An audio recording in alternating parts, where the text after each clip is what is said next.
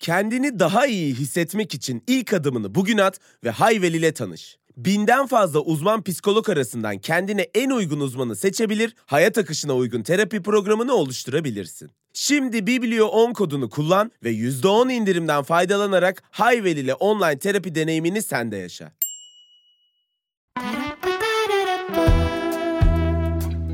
Dermanı kitaplarda arayanların haftalık podcast'i Biblioterapiden herkese merhaba. Ben Aslı Perker. Ben Tuna Kiremitçi. Manim okuyabilir miyim? Tabii, buyurun. Dünya halinden sıkılanlar, içsel fırtınalar yaşayanlar, ruhuna ferahlık arayanlar, kitapların şifasına inananlar için biblioterapi ne yapıyor? Başlıyor.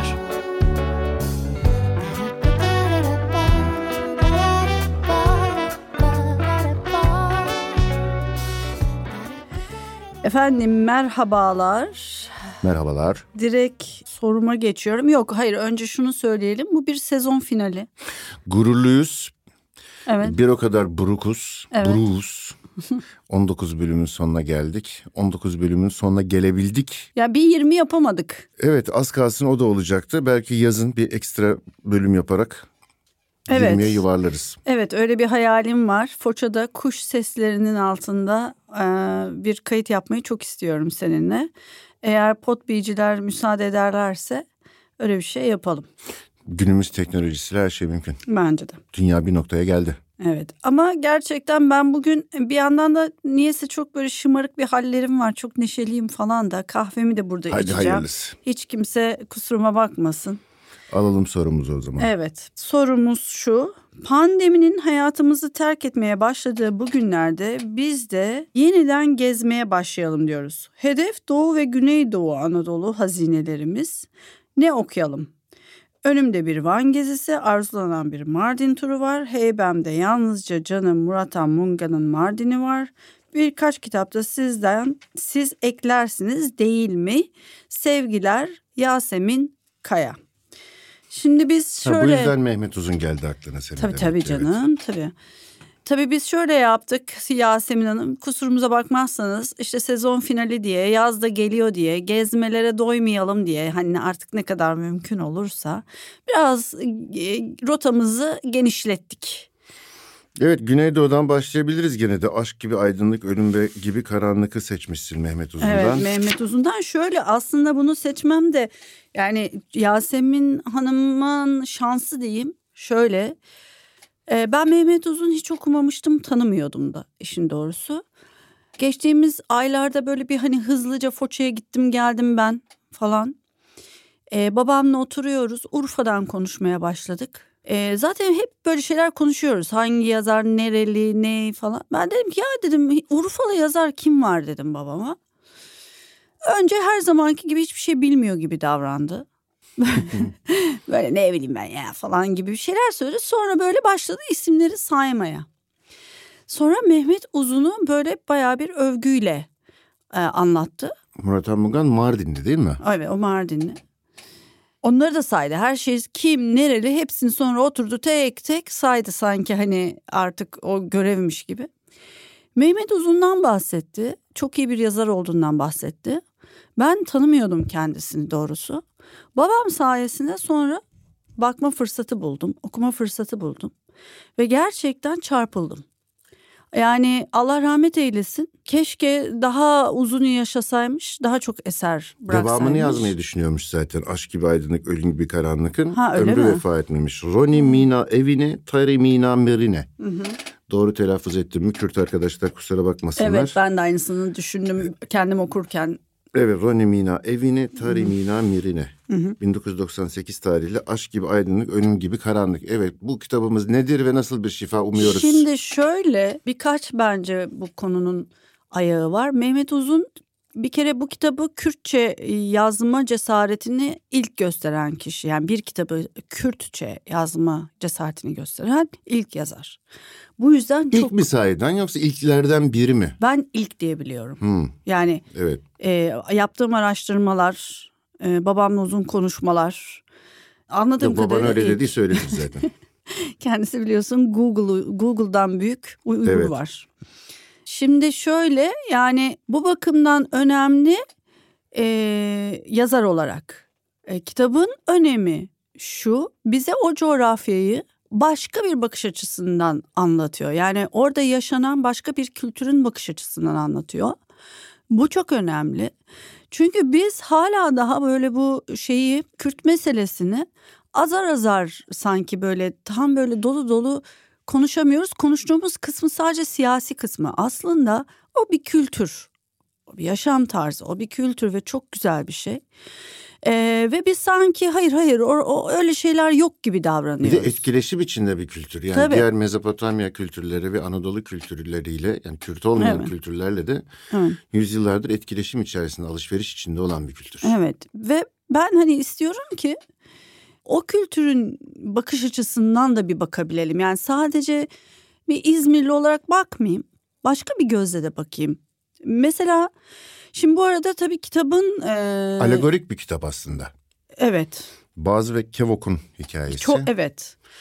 Kürt topraklarını sömürgeleştirmiş bir ülkede geçen bir hikaye var.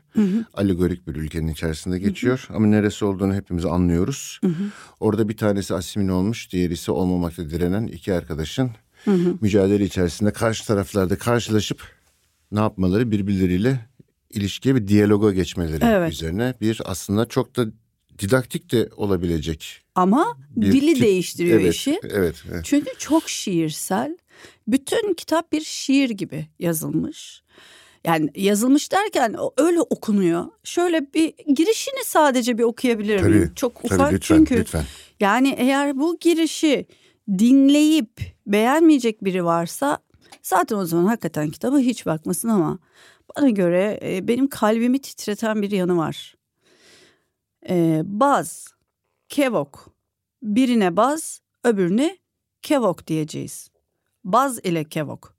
İki ad, iki insan, orta yaşlı bir adam ve genç bir kadın, iki ad. Romanımızın iki asıl kahramanı. Romanımız Baz ve Kevok'un başından geçenler hakkındadır. Baz ile Kevok. Baz 41-42 yaşlarında bir subay. Kevok yenilgi ve umutsuzluk günlerinde Baz'ın yoluna çıkan aşktır ki 21-22 yaşlarındadır. Baz ile Kevok. İlginç bir ilişki, belki de aşk ki zorunluluktan meydana gelmiş, zorunlulukla yaşamış ve zorunlulukla ölüyor. Baz ile Kevok. İki yolcu, yolunu kaybetmiş iki insan, iki tutsak, iki kurban. Baz ile Kevok ölecekler. Ölümle, ölümleriyle başlayacağız maceralarını anlatmaya. Öldürülecekler. Şimdi ölüm yoluna girmiş haldeler. Baz biliyor bunu, tecrübelerinden biliyor ki ölüme doğru gitmekteler. Kevok bilmiyor daha. Kevok başka birçok şey gibi bunu da bilmiyor. Bir masalcı, bir anlatıcı gibi adeta Müthiş değil, değil, mi? mi ya? Yani gerçekten ben hani böyle e, bu anlatım tarzı çok karşımıza çıkan bir şey değil yanılmıyorsam. E, Dengbeş tarzı bir anlatım Hı hı, gerçi. evet. Bir, e, yani storyteller aynı zamanda. Evet, evet. Sanki karşısına insanları oturtmuş e, hikayesine başlamak üzere olan birinin hikaye birinin İşte bu ses evet tonu. bir de Yani ses evet. tonu. Yani böyle olunca tabii okuma isteğini çok arttıran bir kitap. Kitabın devamı da gerçekten aynı özenle, aynı akıcılıkla devam Çevirisi de ediyor. güzel demek ki. Ha tabii tabii bu bunu da akılda tutmak lazım. Evet Türkçe'ye yan-. Türkçe'ye Evet. yansıtılabilmiş Evet. Mehmet Uzun'un sesindeki müzik. Evet. Hani burada bir şifa zaten şu an biz aramıyoruz. Bu bizim artık biblioterapimizin şifa bölümü değil. Yani şifayı bulmuşuz. pandemi bitmiş. evet.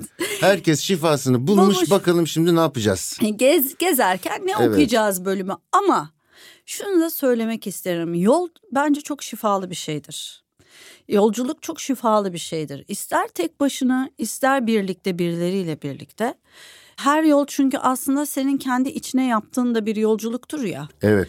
O arada düşündüklerin ne bileyim benim en sevdiğim şeylerden biri mesela trende pencere kenarında oturup e, o tıkır tıkır tıkır tıkır tıkır tıkır giderken e, orada dışarıyı seyredersin ama sürekli kendi içine dönersin. Biri dışarıya biri içeriye doğru iki yolculuk Beraber Evet. yaşanır. Evet beraber yaşanır ve bunun muhakkak ki şifalı bir yanı var zaten. Bunun şifası vardır evet. Ee, Güneydoğu zaten hani böyle e, bizim gerçekten bilge topraklarımız diye düşünüyorum ben. Kadim topraklar. Evet kadim topraklar. Onun çıktığı topraklar. Bu yüzden zaten eğer e, bütünsel bir bakış açısıyla bakılırsa tek taraflı değil. Yani işte bir orada yaşayan Kürdün de bakış açısıyla bakılırsa çok şey anlaşılabileceğini düşünüyorum ben. O topraktan bize, beynimize, kalbimize bir bilginin akacağını düşünüyorum. Kendimizi açarsak, kendimizi, Kendimizi açık tutarsak o açarsak bilgiye, evet. o burada işte o ön yargıların kırılmış olması hiç olmaması çok önemli. Zaten her şey aslında iki kişinin oturup e, birer çay içmesine bakar ya bütün ön yargıların da kırılması için. Evet. E, bana göre hani kitapları okumak çok böyle bir şey. Yani o hiç tanımadığın biriyle oturup o çayı içmek Yani gibi. siyasetten kurtulduğumuz zaman zaten o iletişim başlıyor. Çünkü siyasetçiler e, insanları ayrıştırarak ekmek yiyorlar. Yani siyaset mesleğinin zaten e, raconu insanları ayrıştırmak. Ayrıştıracaksın ki bizler ve onlar olarak Ekmek bölünelim yesinler. ve siyasetçiye Tabii. de dükkanı döndürecek ekmek çıksın. Tabii. Ama bizim bundan menfaatimiz var mı? Yok. Bizim Yok. neye menfaatimiz var? Bizim oturup çay içip birbirimizin derdini dinlemekten Evet. ve anlamaktan bir çıkarımız var. Ya, İlla varsa yani. Şey bugünlerde bir kitap çeviriyorum Epsilon'a. Kitabın adı çok güzel. Şeytanın Tarihi. Hmm. Ee, Daniel Defoe yazmış 1650'ler falan yani öyle bir- 1600'lerde yazmış kitabı. Çok enteresan, çok müthiş bir mizah anlayışı var adamın. O mesela şey diyor ki bunu hep sen de söylersin. Ya diyor bu şeytanın diyor Hristiyanlık dinine e, verdiği hizmeti diyor hiçbir dindar vermemiştir. Hani o olmasa diyor zaten kim niye korksun Sistem çeker. Tabii sistem çeker. Çok önemli bir şey. İşte yani senin biraz önce dediğinden aklıma geldi. Siyasette öyle bir şey. Yani orada duracak ki böyle tepemizde e, bir iblis gibi biz e, şey yapacağız. Evet. E, yani birbirimizi e, Birbirimiz de birbirimiz de korkutacak bizi. yani. evet birbirimize korkutacak. Evet çok fazla dağılmadan istersen Tamam. Yaşar Kemal kendini anlatıyor. İkinci Ah. kitap olarak onu seçmişsin. Alain Busquet ile görüşmeler. Evet. 1957'de bir Amerikan dergisine söyleşi yapmak için bir araya gelmişler üstadlar, tanışmışlar. Ee, ondan sonra birbirlerini bir sevmişler. Bu devam etmiş daha sonraki yıllarda da. 1984'e gelindiğinde pardon onu tamamlayayım. Ha, Artık pardon. e, yakın dost olduğu Yaşar Kemal'in kendini anlatması fikri gelişmiş Busquet'in kafasında. Yazışmalarla yürüyen bu söyleşi 30 tane soru ve cevap etrafında örülmüş ve 1989'da tamamlanmış. Yaşar Kemal kendini anlatıyordu. Yaşar Kemal masalsı öğelerle bezenmiş çocukluğundan Anadolu topraklarının tarihine demokrasi kesinti uğrayan bir ülkede yazar, birey, insan olmaktan kendi acılarına dek kendini ülkesiyle, insanlarıyla, beslendiği kaynaklarıyla birlikte evrensel yazarı, dünya yazarları ve edebiyat hakkındaki görüşlerini de çekinmeden açık seçik dile getiriyor. Evet. Şeyi hatırlar mısın? Geçtiğimiz haftalarda dur şimdi e, hani bir kitap yapmıştık. Öğretmeniyle eski hocasıyla her salı buluşmaları yapıyordu şey yazarımız. Aslında bu da onun gibi. Yani hani böyle bu tip şey adamlarla bilgi dolu, kültür dolu, kalp dolu, ruh dolu e, yazarlarla yapılan ya da insanlarla diyeyim yani akademisyen olabilir ya sadece Nehir söyleşi. olabilir. Nehir söyleşi diyelim evet. Hani o, o kitap bir söyleşi değildi ama bunlar her zaman çok faydalı oluyor aslında. İnsana pek çok şey anlatıyor. Bu da demin okuduğum uzun cümlede de bir anlatım bozukluğu var. Neydi o diye ona bakmaya çalıştım da ha, bir yerinde varmış gerçekten de. Yaşar Kemal öznesiyle başlayıp sanki Alain Busquet ile bitiyormuş gibi. Tanıtım metninde anlatım bozukluğu yapmışlar. Olabilir evet. Yaşar Kemal kendini anlatıyor kitabında. Evet. Şimdi şöyle şey biz hani Çukurovalı diyebiliyoruz tabii Yaşar Kemal'i. Evet. E, oysa Vanlı Yaşar Kemal. Annesi babası Vanlı e, bir köyünden oradan kalkıp Adana'ya geliyorlar. Ben de aslında Yasemin Hanım hani orada bir Van lafı etti diye onu kurcalayıp oradan yola çıktım ve Yaşar Kemal'in bu kitabını vermek istedim. Çünkü çok güzel bir yeri var bir alıntı bunu okuyabilir Tabii miyim? lütfen. Şimdi şöyle e, Yaşar Kemal'in anası babası Van'dan geliyorlar. Hurşit Bey göndermiş Yaşar Kemal'in babasını tapudaki bir mevki sahibi biriyle konuşuyorlar. Tamam mı? Bak Kürdün oğlu Sana bir konak veriyorum ki kasabanın en güzel konağı. Sana tarlalar veriyorum ki ovanın en bereketli toprakları. Sen kardeşimiz büyük hürmet ettiğimiz Hurşit Bey'den geldin çünkü. Ben ona senin gibi bir adam göndersem o da benim gönderdiğim adamı baş tacı eder. Ben de sana semavilerin konağını tarlalarını veriyorum. İstemem. Arif Bey bir deri bir kemik adam. Sinirli mi sinirli. Öyleyse niçin geldin buraya bu mektubu niçin getirdin? E beni bir yere yerleştir diye. E yerleştiriyorum ya işte hem de en iyi eve. Ben ev istemem. Niçin? Anam dedi ki Arif Bey küplere biniyor. Anan sana ne dedi? Anam dedi ki yuvasından atılmış kuşun yuvası başka kuşa hayır getirmez. Onlar kuş değil Ermeni. Babam kuş. Arif Bey Ermeni. Kuş, Ermeni, Ermeni, kuş bu tartışma bir süre sürmüş gitmiş. En sonunda Arif Bey çileden çıkmış. Hurşit Bey'in mektubunu yırtmış, öfkeyle de çiğnemiş, bütün sesiyle bağırıyormuş. Mektubu ayaklarının altında çiğnerken işte böyle olur Hurşit Bey bu vazalak Kürtleri bana gönderirsen işte böyle olur. Hemen oradan iki jandarma çağırmış, babamı göstermiş bunları alın doğru Kayalık Hemite köyüne götürün demiş. O zamanlar Hemite Osmaniye'ye değil Kadirli'ye bağlıymış. Jandarmalar bizimkileri Kayalık Hemite köyüne götürmüşler. Babam her zaman her yerde söylermiş. Allah anamdan, Ermeni'den, kuştan razı olsun. Beni bol kayalıklı Hemite köyüne gönderdiler. Ben bol insanlıklı bir köye düştüm. Çok güzel. Evet yani e, sen Aynur Doğan'ın konseri hakkında yazmıştın ya sanki bir ses ortaya çıkmak için onun vücudunu şey yapmış gibi diye.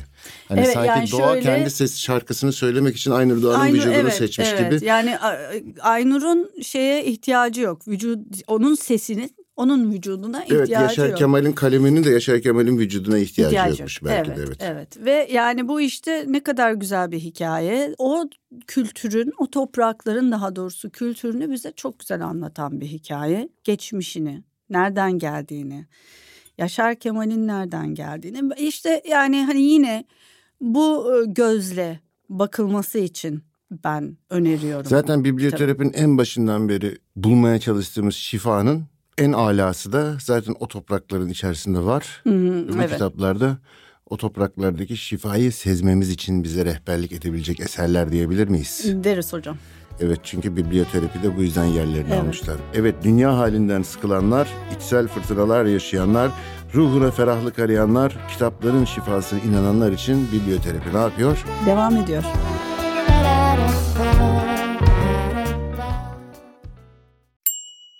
Terapiye nasıl başlanır? Bu Hayvel ile sandığından daha kolay. 6 ülkede milyonlarca kişiye ulaşan Hayvel, konum ve zaman engeli olmaksızın kendi bütçene uygun paketleriyle terapi almayı konforlu hale getiriyor. Ücretsiz 15 dakikalık ön görüşme ile seçtiğin uzmanla uyumunu değerlendirip ardından memnun kaldığın uzman ile seanslarına başlayabilirsin. Üstelik Biblio 10 koduyla %10 indirimden hemen faydalanabilirsin. Üçüncü kitabımıza geldik. Biraz şey yapalım mı? Biraz fırlamalık yapalım bence. Yolculuğun kapsamını genişletmek ya da yoldan mı çıkalım ne yapalım? Ben diyorum Ferhan Şensoy.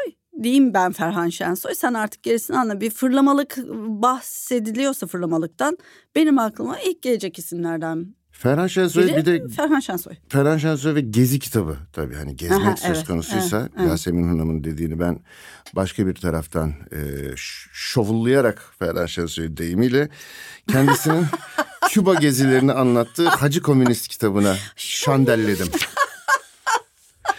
Şimdi kitabın hikayesi de çok matrak. Günün birinde Ferhan Şensoy ve Rasim Öztekin ve orta oyunculardan bir grup kişi bir sinema filmi çekmek üzere Küba'ya gitme fırsatı buluyorlar. Ferhan Şensoy da hayatta bir daha biz ne zaman Küba göreceğiz diye kabul ediyor. Fakat e, anlatımından anlıyorsun ki aslında senaryoyu da çok beğenmemiş yani. Filmi film olarak çok ümitli değil. Fakat Rasim Öztekin de ikisi de diyorlar ki bir daha hayatta biz ne zaman Küba göreceğiz diyerek hatta Zeki Alasya da var ekipte. Şans kapıyı kırınca filminin çekimleri için Küba'ya gidiyorlar. E, aynı zamanda Ferhan Şensoy da bir komünist olduğu için komünizmin e, faal olarak uygulanmakta olduğu bu son memleketlerden bir tanesini görüp hacı olmak peşinde. Yani bir e, Ferhan Şensoy'un bu hacı olma çabası diyorlar ki yani "E, nasıldı Küba diye soruyorlar döndüğünde güzeldi çok güzeldi. Hacı komünist oldunuz mu bari diyor. Oldum elhamdülillah. Al sana getirdim bu şişeyi diyerek Küba'dan getirdiği Havana kulüp rom şişesini çıkarıp çantasından uzatıyor garsona. Zemzem suyu gibi değil mi? Ne bu abi diyor. E, rom, zemzem yok Küba'da rom var diyor. e sonra işte Küba gözlemlerini anlatmaya başlıyor Ferhan Şensoy. Bir taraftan da filmden bahsediyor çekmekte oldukları. Fakat bir noktadan sonra anlıyoruz ki Küba gözlemleri filmden çok daha önemli bir hale geliyorlar. Ve sonunda kendi hacılık macerasını ve bir Küba'yı anlamaya çalışma denemesi aslında Anlayabiliyor mu bari? kısmen anlayabiliyor, kısmen anlayamıyor. Anlayamadıklarını da zaten söylüyor. Ferhan Şensoy'un üslubu, şahane gözlemleri, harika dalga geçmelerinin yanı sıra aynı zamanda Küba ve komünizm tarihiyle ilgili gerçekçi saptamalarla dolu bir kitap. Yani acısıyla tatlısıyla. Bu senin söylediğin mi yoksa tanıtım mı? Yok benim yorumum Ha, bu. senin yorumun. Çünkü sen bu kitabı çok seviyorsun. E, çok çünkü e, bir başyapıt ve başucu kitabı ve bir ge- herhangi bir gezide insanın eline alıp hem gülerek hem düşünerek Tabii. okuyabileceği yani insanlığın en büyük ideallerinden, şifa ideallerinden biri olan komünizmin e, nasıl uygulanabildiği ya da ne kadar uygulanamadığı üzerine kendi gurur duyduğu şeyler de var. Yani Fidel'in sözüyle başlıyor zaten. Ülkemiz insana maddesel zenginlikler sunmak için çok yoksul olsa da onlara eşitlik duygusu insanlık onuru sunamayacak kadar yoksul değildir diyen adamın adasının öyküsü diyor. Küba Fidel Castro'nun ve Küba'yı anlamak çabası aynı zamanda Püro nasıl yapılır, komünizmin tanımı, şeker kamışından yapılanlar ve insanlığın yapamadıkları üzerine böyle bir kara mizah dolu bir ya kitap. zaten kitabı daha böyle okumaya başlayacağım. Ben bu arada Ferhan Şensoy'un pek çok kitabını bir e, gezide okumuştum ben de. Dört gün bir tatilim vardı. Kuzenim de sağ olsun bana devre mülkünü anahtarını verdi. Sen git dedi orada dedi dört gün tatil yap. Bodrum'da işte bir yer. Ben o dört gün boyunca hani Bodrum'da şuradan şuraya gitmedim. Evden çıkıyordum hemen böyle aşağıya bir koya iniyorsun. Aynı şemsiyenin altındaki aynı şezlonga oturuyordum. Aynı garson çocuktan aynı patates aynı bira istiyordum ve üst üste Ferhan Şensoy kitapları okudum. ve hani bu kadar eğlendim bak yıllar geçti bu dedim benim 22 yıl önce falan. Hayatımda bu kadar eğlendiğim dört gün hatırlamıyorum. Ferhan Şensoy ve ben aslında baş başayız öyle söyleyeyim sana. O kendisinin bundan tabii haberi yok. Benim çok Atatürkçü bir arkadaşım Selanik'e gitmişti mesela. Dedi ki dönüşte ben Hacı Kemalist oldum abi şimdi diye. Sonra Doğru hakikaten. düşündüm şimdi şey olarak mesela Hacı kapitalist olmak için de Londra'ya gitmek lazım herhalde değil mi? Ha, dur ya bir dakika o iş biraz karışık yani Londra mı New York mu? Yani New York'ta Yani sanki bence New York gibi Londra'da o iş biraz bulanır gene İrlandalılar falan gelir işi karıştırırlar. mesela Paris'e Ni- gidip Hacı egzistansiyalist olabilirsin. Başka? Viyana'ya gidip Hacı psikiyatrist olabilirsin Ay, mesela. çok, çok saçma bir Varşova'ya gidip- yapmışsın. Varşova'ya gidip Hacı piyanist olabiliyorsun mesela Ee, Chopin. Bravo evet. Sen bunları bayağı oturdun düşündün mü? Evet, ciddi ciddi bunları düşündüm harika gerçekten. bir zihnin var ya. Mesela Roma'ya gidip Hacı fütürist oluyorsun. Moskova'ya gidip Hacı konstrüktivist olabiliyorsun. Ondan sonra New York'ta Hacı postmodernist de olabilirsin Ha, evet aslında. olabilirsin doğru. Ee, Japonya'yı merak ettim ne olabilir? Hacı e, Şintoist. Şintocu. Hacı Şintoist Acı olabilirsin Şintoist orada evet. olursun. Evet. Yani dünyanın her yeri bize hacılık imkanları sunan. Sunuyor ya biz niye bir tane bir taktık o zaman ki? Doğru. Tamam doğru biz o zaman gezeriz her Nasıl hacı, oluruz. olunur bölümü olarak ele alırsak Yasemin Hanım'ın sorusundan gelen bu biblioterapiyi Ferhan Şensoy sağ olsun e, bize, Bize bu imkanı bu hacı- kapıyı açtı. Bu kapıyı açtı. Evet. Bu vizyonu bize Evet. verdi ki ona da bu yakışırdı zaten. E, biz En başta şey diyor ya kitabın en başında böyle diyor ki e, işte şeyde oturuyor şarabide oturuyor.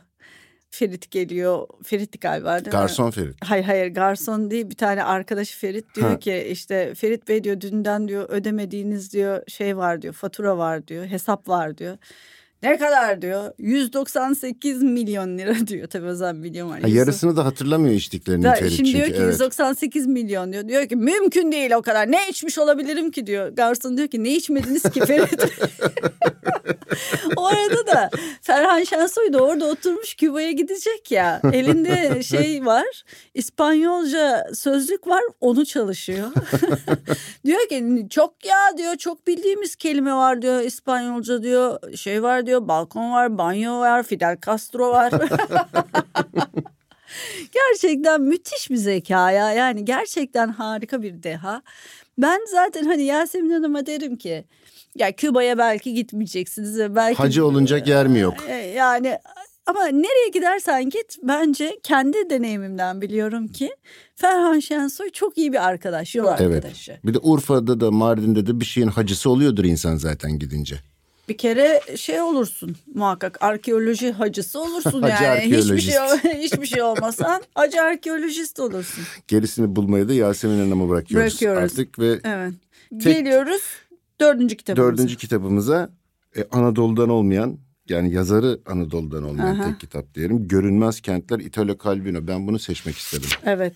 Senin çok sevdiğin bir kitap bu ben biliyorum. Sen bundan Bu daima Türkiye'de de bahsedersin. çok sevilen bir kitap. Türkiye'de Evet. çok sevilmiş. Özellikle mimarlık öğretmenleri tarafından Hı, e, evet. mimarlık öğrencilerine bol bol tavsiye edilen. Bu yüzden de hep gündemde olan farklı baskıları yapılan basılmalara doyulamayan bir Aha. Italo Calvino kitabıdır. Görünmez kentler. Görünmez Kentler 1972 tarihli bir kitap. Modern edebiyatın masalcısı Italo Calvino. Şimdi kitap nasıl?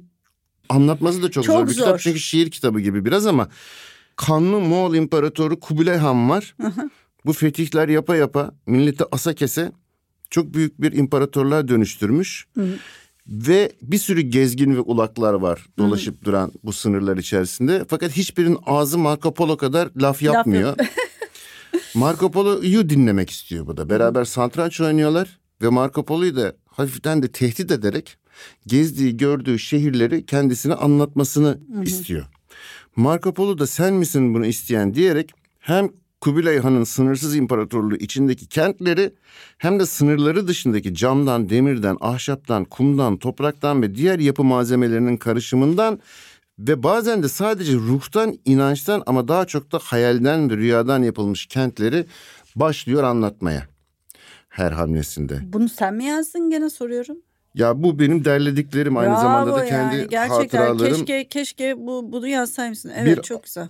Ve e, satranç oyunları esnasında gerçekleşen sohbetler konu alınıyor. Sohbetler Marco Polo'nun gezileri üzerine anlatılan yerler her birine birer kadın ismi verilmiş kurmaca Hı, kentler. Çok değişik o da böyle üf, ya Fakat- ya anlatılmaz yaşanır Yasemin Hanım. Ben bu kitabı doğrusu nasıl anlatacağını merak ediyordum. Şu ana kadar çok iyi iş çıkarttın. Ben anlatamam mesela. Huh, evet yani bir de burada aslında görünmez kentlerde New York'u, Los Angeles'ı, Roma'yı, İstanbul'u, Paris'i, Londra'yı anlatıyor Marco Polo. Hayır aslında Italo Calvino anlatıyor yani. Orijinal isimleriyle değil de Maurilia, Despina, Zoira, Doretta, Irene, Armilia ve Andrea gibi İtalyan-İspanyol karışımı kadın adları vererek yapıyor bunu. Hatta bazen lan burada İstanbul'u mu anlatıyor, hayır Roma'yı mı anlatıyor, burası Viyana mı, yoksa burası Kahire mi falan diye şeylerde ikilemlerde kalıyorsun. Calvino'nun kendi dünyada yaptığı şeylerden de zaten gezi. Bunların bir kısmını da Erdinç Akkoyunlu'nun Ogito dergisindeki Italo Calvino'nun Görülmez Kentlerini Niçin Okumalısınız adlı yazısından alıntıladığımı da söylemek isterim. Tamam Çok, çok, harika güzel. bir yazı. Ee, Italo Calvino ve Görülmez Kentler Bir üzerine de onu da tavsiye kitap ediyorum. çok sonlu değil mi? Yani öyle şey yok hani son içinde son var bir son yok zaten. Sırayla okumak bile şart değil. Evet. E, fakat sanki bir şey gibi şiir kitabı gibi istediği sırayla insanın okuyup hayali bir yolculuğa çıkabileceği bir kitap. Hı. Mesela bir tanesini alıntılamak isterim müsaade Tabii, edersen. buyurun. Bir şehir için diyor ki biz canlıların cehennemi gelecekte var olacak bir şey değil. Eğer bir cehennem varsa burada çoktan aramızda her gün içinde yaşadığımız birlikte yan yana durarak yarattığımız cehennem. İki yolu var acı çekmenin. Birincisi pek çok kişiye kolay gelir. Cehennemi kabullenmek ve onu göremeyecek kadar onunla bütünleşmek. İkinci yol riskli. Sürekli bir dikkat ve eğitim istiyor. Cehennemin ortasında cehennem olmayan kim var, ne var onu aramak ve bulduğunda tanımayı bilmek, onu yaşatmak, ona fırsat vermek. Ben bu, bunu yaparım işte. Bütün şehirlerde bunu arıyor. Birbirinden bağımsız 55 Evet. şehir. Neydi Sartre'ın lafı? Cehennem Ee, L'enfer, autres. Evet. Cehennem, Cehennem başkalarıdır. Evet, başkalarıdır. Bir de ha- hatırımda kaldığı kadarıyla anlatıyorum diyorduk. Marco Polo zaten uydurmaya da bir kapı açıyor Evet, evet, kendisi. evet, evet. Yarı uydurarak, yarı hayal ederek, yarı hatırlayarak Kubilay Han'ı eğiliyor yani aslında. Binbir Binbir Gece Gece, masalları evet, gibi. evet. Yani Kubilay Han kendisini bir şey yapmasın diye onu eğiliyor ve ona hiçbir zaman görmediği, ele geçiremediği, fethedemediği ya da fethettiği ama içten ele geçiremediği şehirleri anlatarak aslında bir atlas seriyor Sunuyor. onun Çok önüne. güzel. Evet. Ve Kubilay Han'ın da böylelikle hayranlığını kazanarak paçayı kurtarıyor. Evet bence bundan daha iyi anlatılamazdı. Bunun üzerine söyleyecek söz bulamıyorum. Ayrıca bundan daha iyi bir gezi kılavuzu da düşünemiyorum. Evet Erdinç. Akkoyunlu'ya da tekrar teşekkür ederim. Kendisinin de yardımıyla anlattım çünkü ben bu kadar. Ve tam Gezi'de okunacak kitap. Tam Aynı evet zamanda, evet. evet. Yani dediğim gibi hani zaten illa e, bir destinasyon seçip yani bir şehir seçip oraya gittiğin zaman aslında o şehri yaşamıyorsun sadece. İçinde senin ne duygular varsa neler varsa hepsi birden ortaya çıkıyor ortaya dökülüyor. Ve e, belki orada duyduğun bir koku gittiğin bir yerde duyduğun bir koku sana bambaşka bir yere hatırlatıyor. Bir tat bir lezzet seni başka bir yere götürüyor. O yüzden böyle şey gibi şehirler arası bir yere yolculuk pek çok yer şehirler arası yolculuk gibi bile olabiliyor. Sadece bir tetikleyici unsur var. Bu olduğun durduğun yerde de olabilir. Değil mi? Mesela evde oturuyorsundur.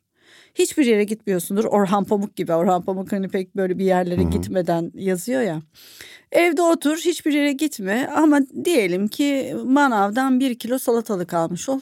Soy salatalığı bir anda nereye gideceğini bilemezsin. Yani kendini işte benim gibi Foça'da bulabilirsin. Kendini çok bir zamanlar önce bir masada bir rakı masasında oturmuşsundur birden orada bulabilirsin. Hayat eve sığar diyorsun yani. Uy. ne iğrenç bir laftı o ya. Gerçekten. Bence ya o olduğu kadar iyi bir slogandı. Yani şimdi o, O şartlarda ne o yapsınlar? şartlarda ne yapsınlardı? Yani bu zaten hani bu bu kadar bir küçücük bir yerde bile olabiliyorken bir de düşünün yola düştüğünüzde bu bir tetikleyici unsurdur. Hani siz bir yere gidiyorum zannedersiniz. Çok yere gidersiniz aslında. O yüzden Açık e, olduğumuz takdirde tabii algılarımızın ve gönlümüzün buna açık olması. Yani kafayı sadece ulaşacağımız menzile takarsak tabii aradaki yok, evet, şeyleri evet, kapanırsak o zaman yolculuğu da yapmamış oluyoruz ya tabii, aslında. Tabii. Yani bir yerden bir yere moleküllerimizi ayrıştırıp tekrar birleştirip ışınlanmış Evet. gibi oluyoruz. Yani Yol iyidir. Yol, Yol ben iyidir. hayatımın çok büyük kısmını yolculuk yaparak geçirmiş biri olarak söyleyebilirim ki yol iyidir. Baudelaire'in de dediği gibi gerçek yolcu gidebilmek için gidendir. Deyip kapatalım mı o zaman? Kapatalım o zaman. Sezon finalimiz böyle olsun efendim. Ee, Evet. Bol gezmeli bir yaz olsun herkese. Evet gezelim, tozalım. Evet. Yani tabii paramız yettiğince ama artık bulacağız bir yolunu. Pandeminin ruhumuzda açtığı yaraları Ha. gezerek, yolculuk ederek şifalandıralım. Ben künyeyi okuyayım. Tabii ki. Sen ondan sonra maneni oku. Tamam. Ferhan Şensoy'un şu şeyini bir ezberden okur musun? Yok onu değil de ben şeyi seçtim aslında. Ya, İsmet. İsmet Özel'in Mataram'da Tuzlusu. Aa peki. Onunla bitirmek istiyorum. Uzak nedir? Kendinin bile icrasında yaşayan benim için gidecek yer ne kadar uzak olabilir? Başım açık, saçlarımı ikiye ortadan ayırdım. Kimin ülkesinden geçsem şakaklarımda dövmeler beni ele verecek. Cesur ve onurlu diyecekler. Halbuki suskun ve kederliyim. Korsanlardan kaptığım gürlek nara işime yaramıyor. Rençberlerin o rahat ve oturmuş lehçesinden tiksinirim. Boynumda bana yargı yükleyenlerin utançlarından yapılma mücevherler, sırtımda sağır kantarı gizli bilgilerin. Mataramdaki suya tuz ekledim, azığım yok, uzun yola çıkmaya hüküm giydim. İsmet Özel'e de Ah, buradan sen var ya sen nasıl hemen bu şiirleri hepsini ezbere bilip hepsini böyle bulup getiriyorsun konuya uygun. Vallahi İsmet çok Özel beğeniyorum. deyince Evet. Peki şimdi e, künyemizi okuyorum. E, Hacı Komünist by Ferhan Sensois. Ferhan o- Okta Oyuncular yayınları. Orta Oyuncular Yayınları 302 sayfa. E, Italo Calvino Görünmez Kentler Yapı Kredi Yayınları 203 sayfa. Çeviren Işıl Saatçıoğlu. Mehmet Uzun Aşk gibi aydınlık, ölüm gibi karanlık. 360 sayfa İtaki yayınları. Yaşar Kemal kendini anlatıyor. Alain Baske, Alem Buske. Buske, Alain Buske. Yapı Kredi Yayınları 188 sayfa. Efendim kitaplarla ilgili ayrıntılı bilgiyi açıklamalar bölümünde bulabilirsiniz. Ee, biz bir müddet buralarda olmayacağız ama bize sorularınızı göndermeye lütfen devam edin. Ee, biblioterapi.potbimedia.com adresine. Bir tık kadar uzağın yakınınızdayız. Öyle derlerdi ya Evet, ilk evet. böyle şeyler bulunduğu zaman. Evet. Telefon bankacılığı. Dünya halinden sıkılanlar, içsel fırtınalar yaşayanlar, ruhuna ferahlık arayanlar, kitapların şifasına inananlar için biblioterapi şimdilik ne yapıyor? Bitiyor efendim. Hoşçakalın.